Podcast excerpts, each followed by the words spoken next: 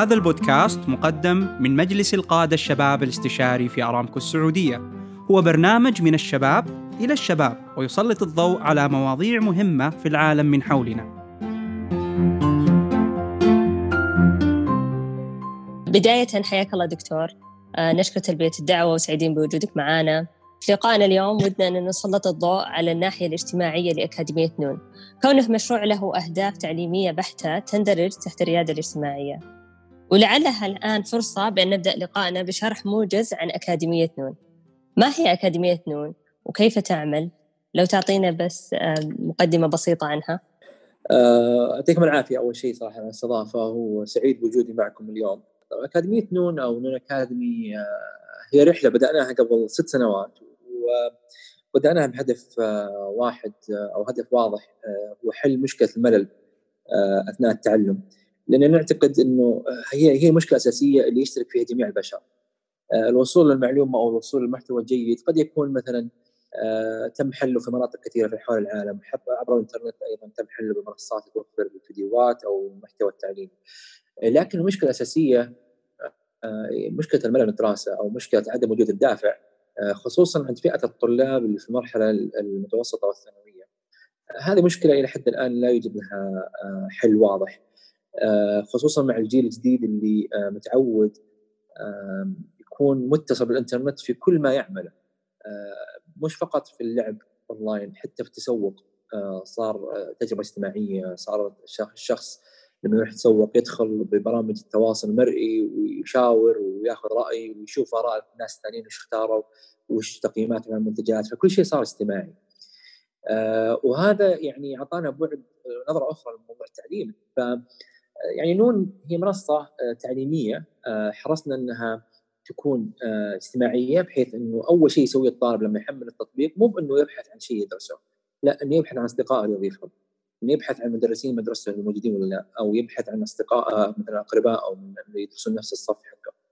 ثم بعد ذلك يكون مجتمع خاص في نون أكاديمي أصدقاء في جروبات وبالتالي إذا اجتمعوا الأصدقاء اللي يبغون يدرسون مثلا الرياضيات مع بعض سواء بفصلك الطلاب اللي بفصلك مثلا في المدرسة أو في شعبتك في الجامعة أو إلى آخره هناك تقررون تدرسون مع مين؟ ومين المدرس تبغونه؟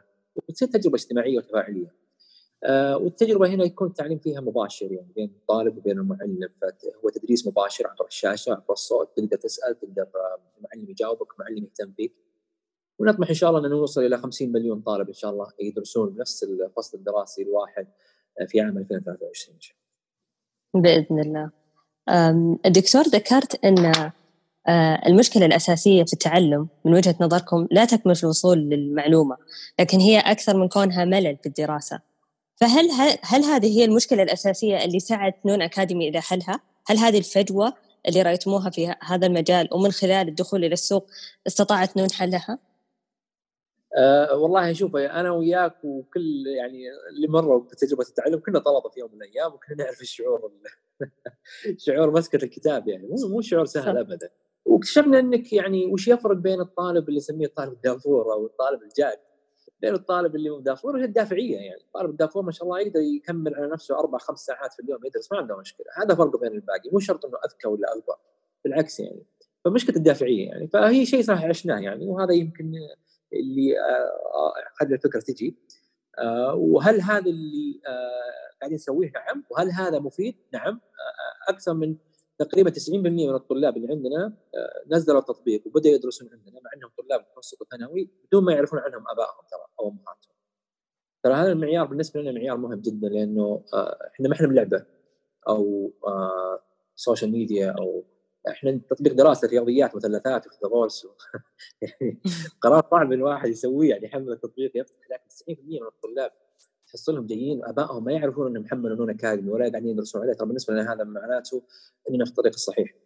وهذا نعتقد المستقبل يعني وهذا الترند اللي جاي في التعليم وفي غير التعليم حتى الآن Netflix مثلا تشاهد تشاهد مع أصحابك في تطبيقات أو إضافات تضيفها المتصفح تسويها تسوق حتى الآن بعض ال startups اللي تسوي مثلا تمارين رياضية في المنزل كلها عن طريق البث المباشر مع المدربين بس الهدف الرئيسي إنك تدخل مع class كامل وليس فقط مدرب class كامل تشوفهم قدامك تدربون سوا فكلها عبارة عن تجارب اجتماعية الآن بحيث تخلي الواحد ما يحس إنه منفصل عن العالم الافتراضي اللي في الإنترنت يعيش فيه. طيب دكتور, بما إننا نتكلم عن نون كمشروع ريادي آه هذا ياخذنا لنقطة ثانية فكما هو معروف طبعا في خبير اقتصادي كان يقول إن الغرض الوحيد ولعله حقيقة أفضل خيار للشركات هو السعي إلى توليد أو خلق أرباح اقتصادية. آه اليوم إحنا نرى أن نون لم تكتفي بحرب بخلق أرباح اقتصادية بل تجاوزت عن طريق التركيز على التعليم. فهو ليست مجرد مشروع ريادي الغرض منه أن توليد أرباح ولكن أيضا اجتماعي بحت بحيث أننا نركز على التعليم بطريقة مختلفة. آه، هل ممكن تحدثنا أكثر عن هذه النقطة؟ آه صراحة سؤال مرة ممتاز أتذكر يعني آه بالنسبة لي أنا نون اكاديمي هي ثالث شركة أو startup بدأت فيه السنتين الأولات ما نجحت صراحة لا أستغرب عنها لكن الثالثة كانت نون اكاديمي الحمد لله جينا نختار الفكرة اللي بنبدا فيها سوا اللي هي طبعا أصبحت نون اكاديمي كان عندنا أكثر من خيار قدامنا يعني خيارات إحنا نتكلم عام 2013 كان لسه قطاع المواصلات واللوجيستكس والنقل لسه في بداياته. طبعا اللي هو الآن هو أكثر قطاع يعني جاذبية تقريبا. آه طلعت في شركات مثل اوبر وكريم وهنجر ستيشن وغيرها في السعودية وحول دول العالم. لما جينا نختار قلنا okay عندنا خيارات إن نبدأ بالقطاعات هذه آه وعندنا خيارات قطاعات أخرى من ضمنها التعليم ومن ضمنها الصحة وغيرها. طبعا الصحة إحنا غير يعني غير ملمين فيه مع إنه مهم جدا لكنه في regulations كثيرة ويبغى له إلمام. آه، التعليم كان قريب لقلوبنا كثير. أنا كنت أدرس في الجامعة أصلا وقتها كنت أدرس 20 طالب في اليوم. كان حلمي صراحة إني ما أدرس 20 بس ودي أدرس ملايين. وبالتالي التعليم كان هو الخيار اللي وقعنا عليه. قطاع التعليم الآن بدأ ينمو بعد يعني الفترة الأخيرة بعد كورونا وبتكلم عن المحور هذا إن شاء الله. فالأرباح تجي لكن التأثير على المجتمعات هو أكبر. وحنا عندنا أحد القيم المهمة في اكاديمي اللي نؤمن فيها آه، اللي هي never deprive learner أو لا تمنع أي متعلم انه يتعلم. فحنا عندنا من قيمنا إن راح تكون نون فيها جزء كبير جدا منها مجاني طول حياتنا. طول ما نون موجودة بيكون فيها أي أحد بيجي بيحصل أشياء مجانية كفاية انها تكفيه يدرس اللي يبي اللي يبغى زيادة هنا يجي يدفع. لكن ما ما في يوم من الأيام تجي تلقى نون أكاديمي لا مقفلة ممنوع تستخدمها إلا لما تدفع فلوس ابدا. وهذا النموذج freemium اللي بنستخدمه أو النموذج فريميوم يعني من أشهر النماذج العمل. بالتالي هدفنا فعلا يعني فيها أثر اجتماعي كبير صراحة إحنا بدينا نشوفه يعني.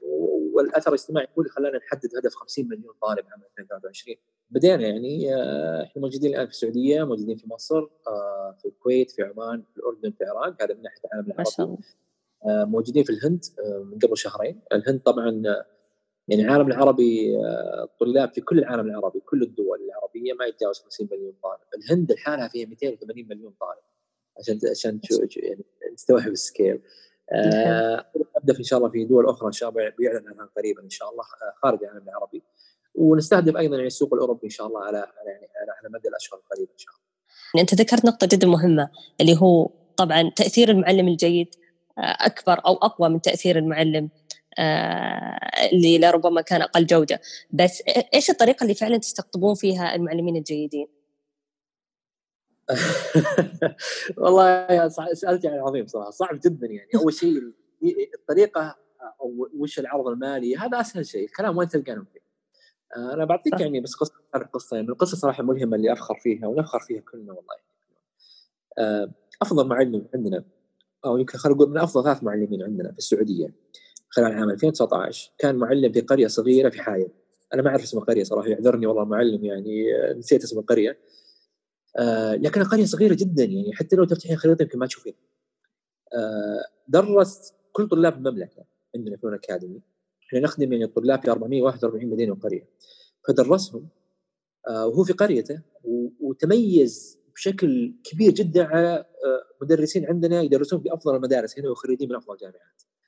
آه فإحنا تبنينا التوجه هذا أننا نعتمد نتيح فرصة لكل المعلمين اللي يبغى يبدأ معنا يبدأ معنا يجيب طلابه معه يبدأ مباشرة يدرس طلابه بشكل خاص. يعني ما ما نعرض ما نعرض كل كل الطلاب في المنصه يدرس طلابه بشكل خاص. اعتبريه مثل الواتساب group اللي ما يشوفه إلا أنت مثلا وأهلك اللي كان group عائلي ما حد يشوفه إلا أنتم المدعوين له يعني. فهذا النموذج هذا مشابه اللي يبدأ فيه معلم عندنا. يبدأ ب group خاص فيه في الاكاديمي ما يبدأ فيه مع طلابه. آه ثم الناظر وهو طبعا في المستقبل إن شاء الله إذا نون وصلت إلى يعني عالميا يعني بيكون حتى المعلم قادر إنه يدرس ناس من قارات مختلفة على الأغلب. الآن حاصلة الآن عندنا معلمين في مصر يدرسون طلاب في السعودية يدرسون طلاب في العراق فهي فعلا بقارات مختلفة مو فقط ما شاء الله. والعكس وكذلك يعني السعوديين بالعكس يعني إحنا متحمسين لها يمكن أعتقدها بتعطي معلمين سبب آخر يبدون مع يبدون مع نون أكاديمي. طيب دكتور حلو أنت ذكرت النقطة حقت الانتشار وهذه واحدة من النقاط اللي نبي نتكلم عنها اليوم. طبعا كل شركة أو غالب الشركات عندهم لحظة محورية.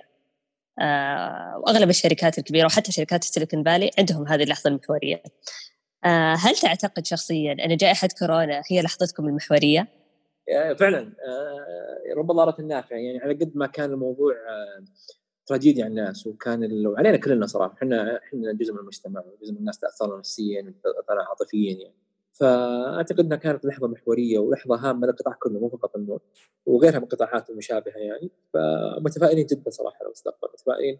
وسبحان الله يعني التعلم الاجتماعي اللي حكيت لكم عنه في البداية طلع واضح أثناء كورونا لأن الطلاب صاروا ما يروحوا المدرسة. ما صار في أي تواصل اجتماعي. المدرسة طبعا من أهم أهدافها صراحة عند الطلاب إنه يشوف اصدقائه أكثر من إنه فقط يحصل التعليم لأن التعليم تقدر تحصله من الكتاب تقدر تحصله من البيت يعني. لكن تفاعلك مع أصدقائك تعلمك من أصدقائك هذا كيف تعوضه من دكتور أنت ذكرت آه، إن في آخر ستة شهور آه، عدد الطلاب اللي كانوا عندكم يفوق اللي كانوا في الأربع أو الخمس سنوات الماضية. فكيف راح تضمنون استمرار الجودة؟ يعني هل آه لأنه صار جائحة كورونا الناس اضطروا أنهم يستخدمون النون لكن شلون نقدر تقدرون تضمنون أنه بعد الجائحة يستمر اشتراك الطلاب بالمنصة؟ إيه. آه طبعا هذا السؤال مرة مهم يعني آه نوعين من الطلاب اللي شفناهم الفترة الماضية في في طلاب اضطروا يستكملون تعليمهم آه عبر أي وسيلة أخرى في طلاب لا حصلوا نون كخيار ممتاز لهم آه، يبغون. يعني يستخدمونه ففعلا المشكلة هذه ليست عندنا المشكلة عند أغلب القطاعات حتى قطاعات التجارة الإلكترونية وغيرها إنه كيفية المحافظه على المستخدمين اللي جو في اللحظة هذه أعتقد إنه تحدي كبير فتره قادمه آه لكن إحنا ماخذينها يعني ك هي موجة واحدة من موجات أتوقع بيمر فيها القطاع بشكل كبير. آه موجات تعرف المستخدمين على كيف قطاع التعليم يشتغل تقنيه التعليم يعني. وأيضا التعريف للمعلمين آه، إنهم يستخدمون منصات للوصول لعدد أكبر من الطلاب. فإحنا ناظرينها مناظر يعني من زاوية إنها وسيلة تعريف اويرنس ممتازة جدا. دكتور من أكثر الأشياء أو التساؤلات اللي يعني تبدر إلى أذهان الناس لما نتكلم عن نون وإنها كانت من قبل خمس سنوات أو ست سنوات تقريبا. فإذا رجعنا ورا ست سنوات آه، بشكل عام التأقلم آه، الإلكتروني سواء كان عن طريق الطلاب أو عن طريق المدرسين يختلف عن اليوم. من سنة إلى سنة الفارق ليس بصغير يعني كبير جدا. آه، بس إذا رجعنا خلينا نقول 2014 آه، تأقلم الطلبة مع الطلاب وحتى المعلمين مع الطلاب. آه، نتخيل أنه كان صعب. فهل جداً. كان صعب هالرأي أو جدا. طيب كيف استطعتم مواجهة التحدي؟ يعني هل أنتم في النهاية ما راح تقدرون تأخذون كل الطلاب وتدربونهم على هذا الشيء بس شلون حببتموهم إنهم يدخلون عليه ويتعودون عليه؟ أنا خليني أرجع خطوة ورا أصعب بعد. إحنا أنا أذكر كان عندنا زي زي الورقة المنديل كاتبين عليه ما أنساها يعني. في أول اجتماع لي أنا ومحمد شريكي على أن نسوي شيء في التعليم. وش كان leap of faith أو الافتراضات اللي نتوقع لازم تصير عشان ينجح ال business حقنا. زين؟ اللي ما كانت موجودة. آه يعني مثلا لو بقول لك الآن okay كيف نقدر ننقل الناس يعيشون في المريخ مثلا تقولين okay لا لازم يكون عندنا قدرة نرسل صواريخ ما تنفجر في الخط في الطريق إنه نقدر نوصل لهم نقدر يأكلون ويشربون يعني في افتراضات لازم تصير عشان ينجح مشروع صح؟ إحنا كنا نفكر بالافتراضات هذه وش كان ثلاثة الأول منها ما هو بقضيه تحبيب الكلام هل الناس تدرس أصلا ولا لا؟ والله يعني كان الموضوع يعني okay هم يدرسون في المدارس بس يعني هل بيدرسون اونلاين؟ هل بيفتح مثلا لابتوبه ما كان في يعني تطبيقات أو الموبايل بشكل كامل منتشر يعني بشكل كبير لكن كان أغلبها laptops هل بيروح يفتح اللابتوب عشان؟ يروح يدرس رياضيات هذا كان عندنا وين تو بسم الله الرحمن الرحيم تو صحيح. هو هو الدافع بعد صح شيء كبير. فعلا. وطبعا حتى قبلها افتراض هل عنده انترنت ولا لا؟ يعني ترى كان الانترنت يعني دخول الانترنت في البيوت وقتها ما يتجاوز يمكن 30% 40% في المملكة يعني ما كان الموضوع كبير. فكان عندنا مشاكل أعمق إني أخلي الطالب يتأقلم مع مدرس ولا لا؟ كان مشكلتنا أعمق. هل أقدر اخلي يعني awareness ترى عندك شيء يسمونه ال first mover disadvantage أو العيب اللي لازم أول واحد يبدأ في المشروع أو في القطاع حقه. دائما أول واحد يبدأ في أول كمتحرك أو كلاعب أول في القطاع هو دائما يتحمل التكلفه يعلم الناس ليش القطاع هذا مهم ليش الحل حقي كويس. اللي يجي عقبه يصير أسهل عليه. فبدينا نشتغل على أكثر من محور.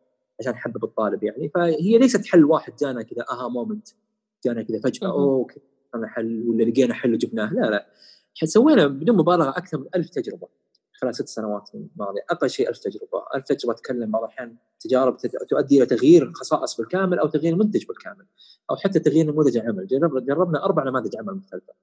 مش واحد فقط، كلها تحت نون اكاديمي، الطلاب كانوا بعض الأحيان كل سنة عندهم قدامهم شيء مختلف عن السنة اللي قبلها، كانوا مرة يستغربون مره يعني محتارين. كنا كل مرة نكتشف شيء أفضل ونروح نغير.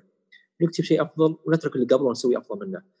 ف كانت يعني الملخص إنه كانت هي عبارة عن تغييرات كثيرة تمت فترة طويلة وليس تغيير واحد اللي خلانا ننمي العلاقة بين الطالب والمدرس وإنه يدرس أكثر ويندمج.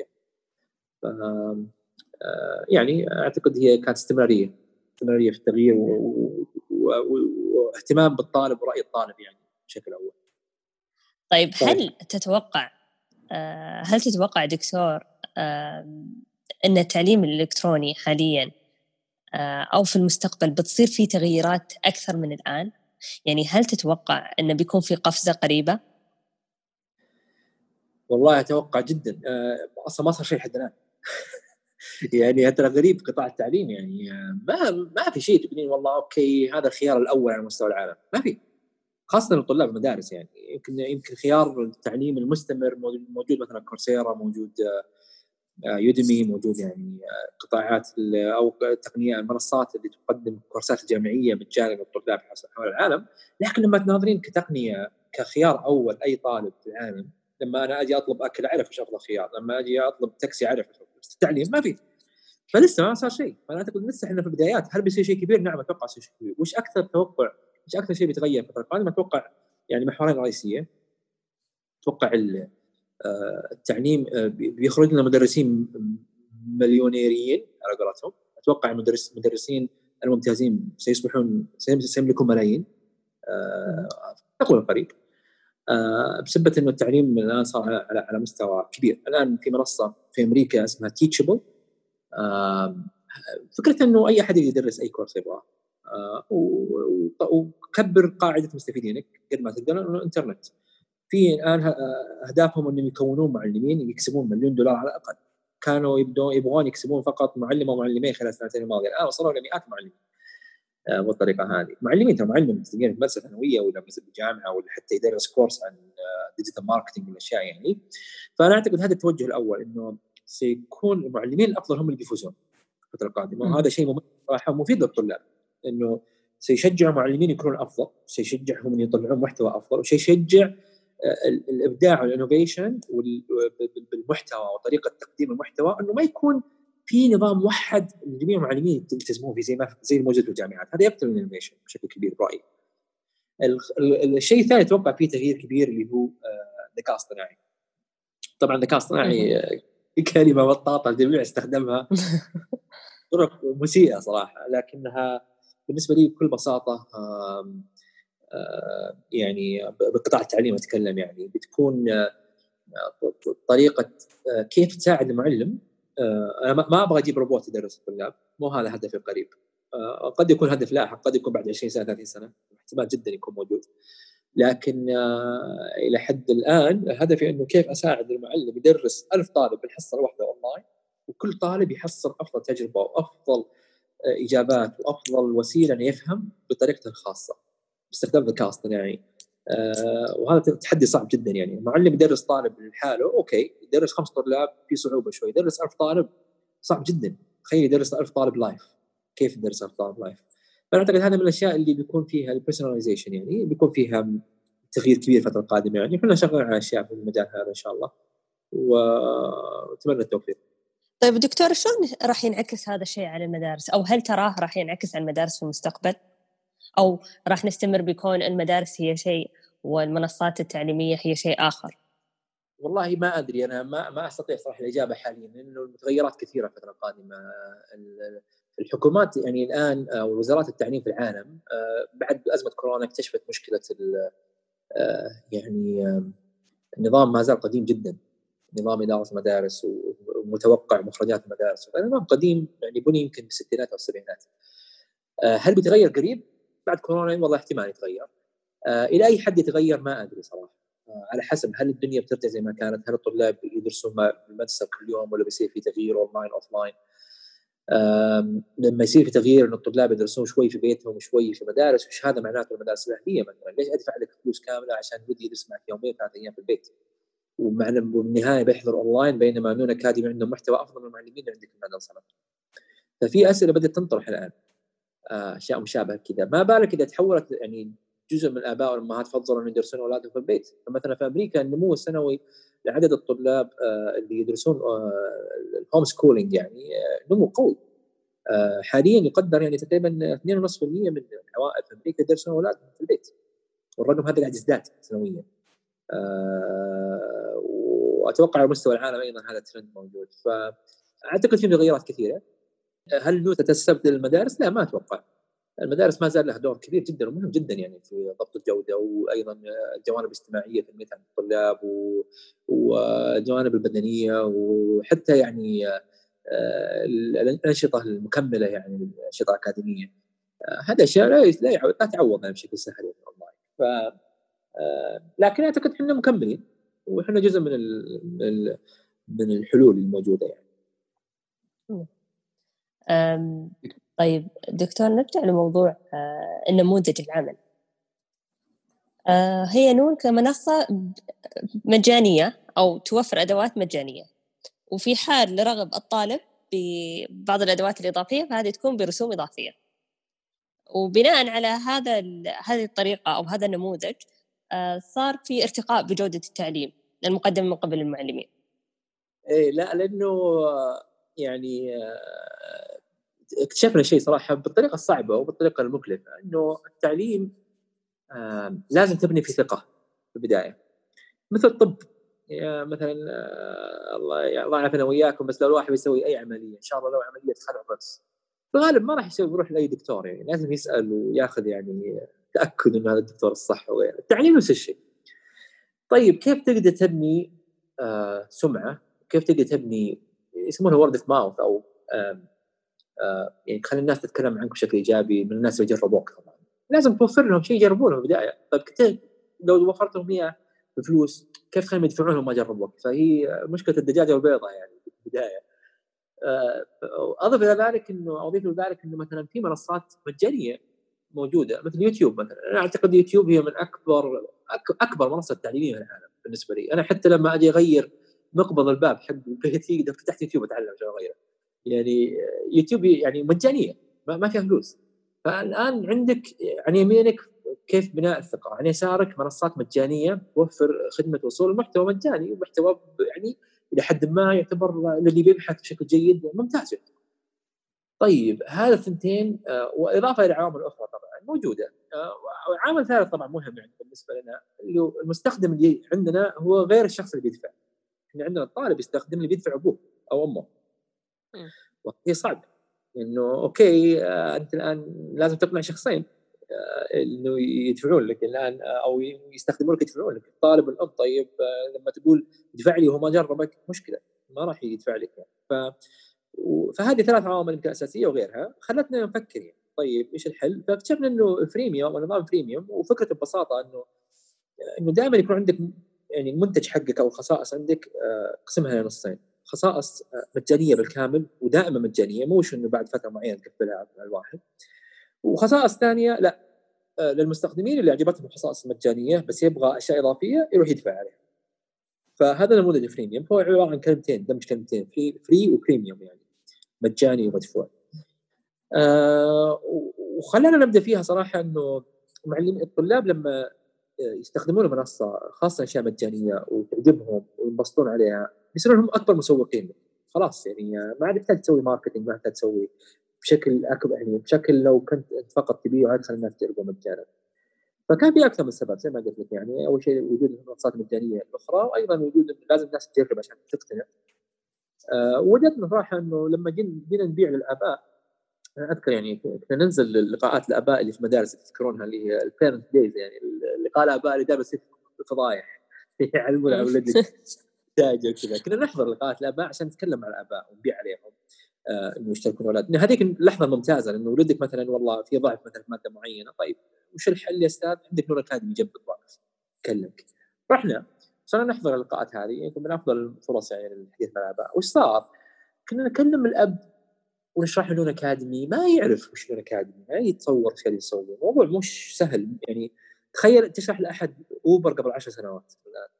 ما يدري وش, وش معنى انك تجيني لبابي وتطبيق وتشيلني وأدفع لك بعدين موضوع صعب يعني ما هو سهل تتصور لين تجربه كانت هذه مشكلته الرئيسية. وش اكتشفنا؟ الأب ما يفهمنا لكن يقول اصبروا نروح ننادي ولده.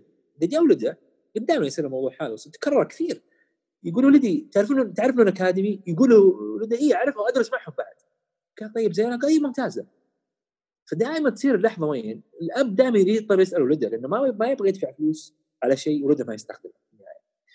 فاكتشفنا طيب okay خلي الأولاد يستخدمون الان وخليهم يستخدمون أشياء مجانية. زين؟ وفي اللحظه اللي جزء من المنصه كلم أبوك أنت يعني إحنا كفريق يعني كفريق نون اكاديمي وكان هي الوصفة اللي تبعناها يعني. واكتشفنا إنه فعلا يعني كثير من الشركات حول العالم تقنيات التعليم تبنت تقديم المواد الحمد لله تبنيناه بدري إحنا يعني ما تأخرنا فيه ولا كان قتلنا ال business وطلعنا من السوق بدري يعني صراحة. وهذه نصيحه يعني أعتقد قطاع ال tech يعني تقنيات التعليم قائم بشكل كبير على المحتوى آه وإنه يوفر محتوى مجاني بشكل كبير فيه ومحتوى مدفوع للقلة. وأنت خذ طلاب أكثر مجاني وخلي القلة تصير كبيرة يعني. إذا كمان كبرت بداية ال funnel أو بداية حجم الطلاب اللي يستخدمونه مجانا تقدر تأخذ نسبة منهم يحولون لك إنه يدفعون فلوس. عشان كذا هدفنا ناصل 50 مليون طالب في 2023 ونحول يعني جزء بسيط منهم ما يتجاوز يعني رقم فردي بالمئة يعني. ونكون شركة ربحانة ونكون شركة كبيرة جدا في العالم أغلب الشركات عموما تتبع يعني نموذج مشابه لكن يمكن الجدير بالذكر أو اللي يكون مستغرب أكثر من ناحية نوم إن الفائدة أو العائد على المستخدم أعلى. في البداية. أه، صحيح ف... صحيح. هو هو المشكلة وين تصير؟ أو الصعوبة صراحة ال challenge يعني نظام ال freemium سلاح ذو حدين. إذا أعطيت أكثر من اللزوم اشياء free توهقت بالتحويل إلى المدفوع وإذا أعطيت أشياء أقل من اللزوم الناس ما قعدوا وما شافوا شيء مفيد عندك فاللعبة هنا صعبة شوي ودروب بوكس استغرق منهم يمكن خمس سنوات عشان يحلوا المشكلة دي.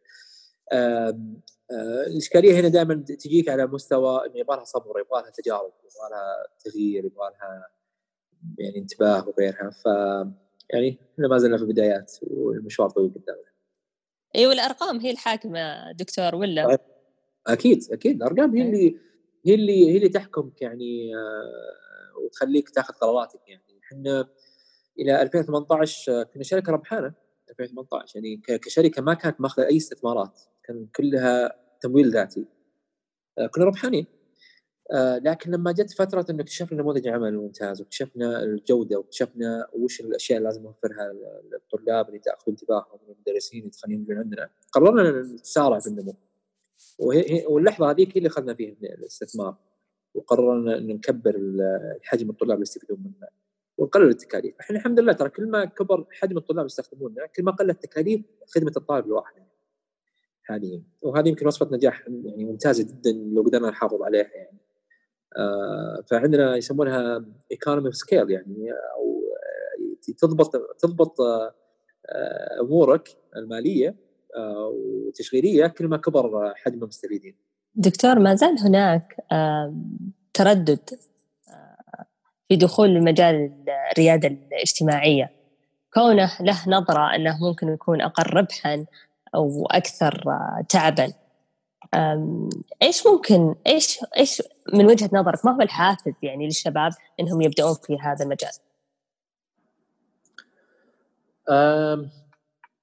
صراحة يعني الريادة الاجتماعية يمكن مفهومها كبير يعني واعتقد الدولة عندها في رؤيه 2030 يعني ان المجتمع هو جزء رئيسي لتحقيق الرؤيه وسواء رياده الاعمال أو حتى الرياده الاجتماعيه اعتقد هو محفز وجزء رئيسي لتحقيق الرؤيه اللي كان يمنع الناس قد يكون وجود فرص نوعيه وين الفرص النوعيه اللي تخليني اترك مثلا الوظيفه اللي معي عشان انتقل لها كانت قليله صراحة هل هي قاعدة تتحسن؟ أنا أشوف إنها قاعدة تتحسن. وأشوف إنه أيضا صاير لها دعم وصاير لها اهتمام. وبالعكس أنا أشوف إنها الصعوبات ما زالت موجودة لكن أشوف إنها قاعدة تتحسن. ووجود قصص نجاح مهم جدا. وجود قصص نجاح في أي تجربة رياده اجتماعية مهم جدا عشان الناس تتحمس تسوي اشياء مشابهه يعني. ف أعتقد وجود قصص يساعد زي ما قلت لكم كريم كانت نقطة محورية لل region كلها أنا أنا أقول لكم اليوم اللي صار فيه كريم بيع كريم طبعا عشان المستمعين يعني كريم باعت تخارج من شركة اوبر 3 مليار يعني وهذا كان سبب كبير جدا في المنطقة. آه، اليوم اللي قبل ما يصير حق كريم مع اليوم اللي بعد ما صار تخارج كريم سهولة التوظيف بالنسبة لنا حتى الناس اللي ترد علينا بس نكلمهم نقول تعال تعال توظف معنا أقول لكم يعني فرق كبير جدا. آه، أعتقد شيء مشابه في الرياده الاجتماعية مو لازم يكون استحواذ قد ما يكون قصه نجاح أو غيرها أتوقع بيجي نفس الأثر. خلي الناس يتحمسون أكثر. صحيح. فكريم آه، كان لها دور أو دافع في أن الناس عموما يعني تنتقل إلى الشركات الناشئة سواء كانت ريادة اجتماعية أو غيرها؟ مو لازم فقط تنتقل حتى بس تغير نظرتها على الأقل. يعني بعض الأحيان الأشخاص اللي ما ينتقلون سبب عدم انتقالهم هو عدم وجود داعم من المحيط اللي حولهم. يخوفهم الناس اللي حولك يخوفونك. إنك تنتقل الشركات لكن لما الناس تشوف القصص هذه على الأقل الحلقة اللي حولك اللي كانوا يخوفونك على الأقل بيكونون يعني محايدين إلى حد ما. خلوك تعرف تقرر بنفسك يعني. ف آه، بس على العموم كان أثرها إيجابي طيب دكتور آه، هذا السؤال يمكن نختتم فيه. آه، بعيدا عن نون لكنها أقرب لك دكتور عبد العزيز. طبعا الخوض في هذه الرحلة السبع أو الست سنوات الماضية لا شك إنه ما كان ابدا سهل. وفي آه، ريادة الأعمال بشكل عام الواحد يوصل إلى مفترق طرق. وفي الكثير من آه، الأخطاء مثل ما في الكثير من الأمور اللي تمشي يعني مثل ما خططنا لها. لكن آه، هل حصل شيء إذا نظرت للسبع سنوات اللي فاتت هل في شيء تود تغييره وتعيده بشكل مختلف؟ وتتوقع أنك بتجيب منه نتائج أفضل؟ مم. يمكن أكثر شيء أبغى أغيره لو رجعت في الوقت كنت بغير بكون أكثر شجاعة في اتخاذ القرارات وأكثر شجاعة قرارات صارمة يعني اللي فيها تغيير سواء في طريقة العمل أو حتى في الطباع الشخصية أو حتى في التوظيف الموظفين الصح والموظفين الأقل يعني جودة يمكن كانت تكلفتها تكلفة عدم الشجاعة صارت دائما في الغالب أكبر من تكلفة لو كنت شجاع وقتها حتى لو أخطيت يعني. ف أعتقد يمكن هذه من أكثر الأشياء اللي آه، بغيرها بس أعتقد الآن يمكن أكثر شيء كان واضح آه، إني بكون أكثر شجاعه في اتخاذ قرارات سريعة. ولكن ساستمر ساختار التعليم مرة ثانية. يعني إن شاء الله اغير بالعكس آه، كان أعتقد قرار الحمد لله اللي. الله يعطيكم العافية والله شكرا لكم أنتم والله على على الاستضافة وعلى الأسئلة صراحة الجميلة استمتعت فيها والله. شكرا لوقتك والله دكتور إحنا اللي استفدنا واستمتعنا. وان شاء الله إنها يعني توصل الهدف أمانة. يعني إحنا كنا نبي إن نسلط الضوء على نون كريادة اجتماعية. وأتمنى أننا وفقنا. شكرا جزيلا. حياك الله.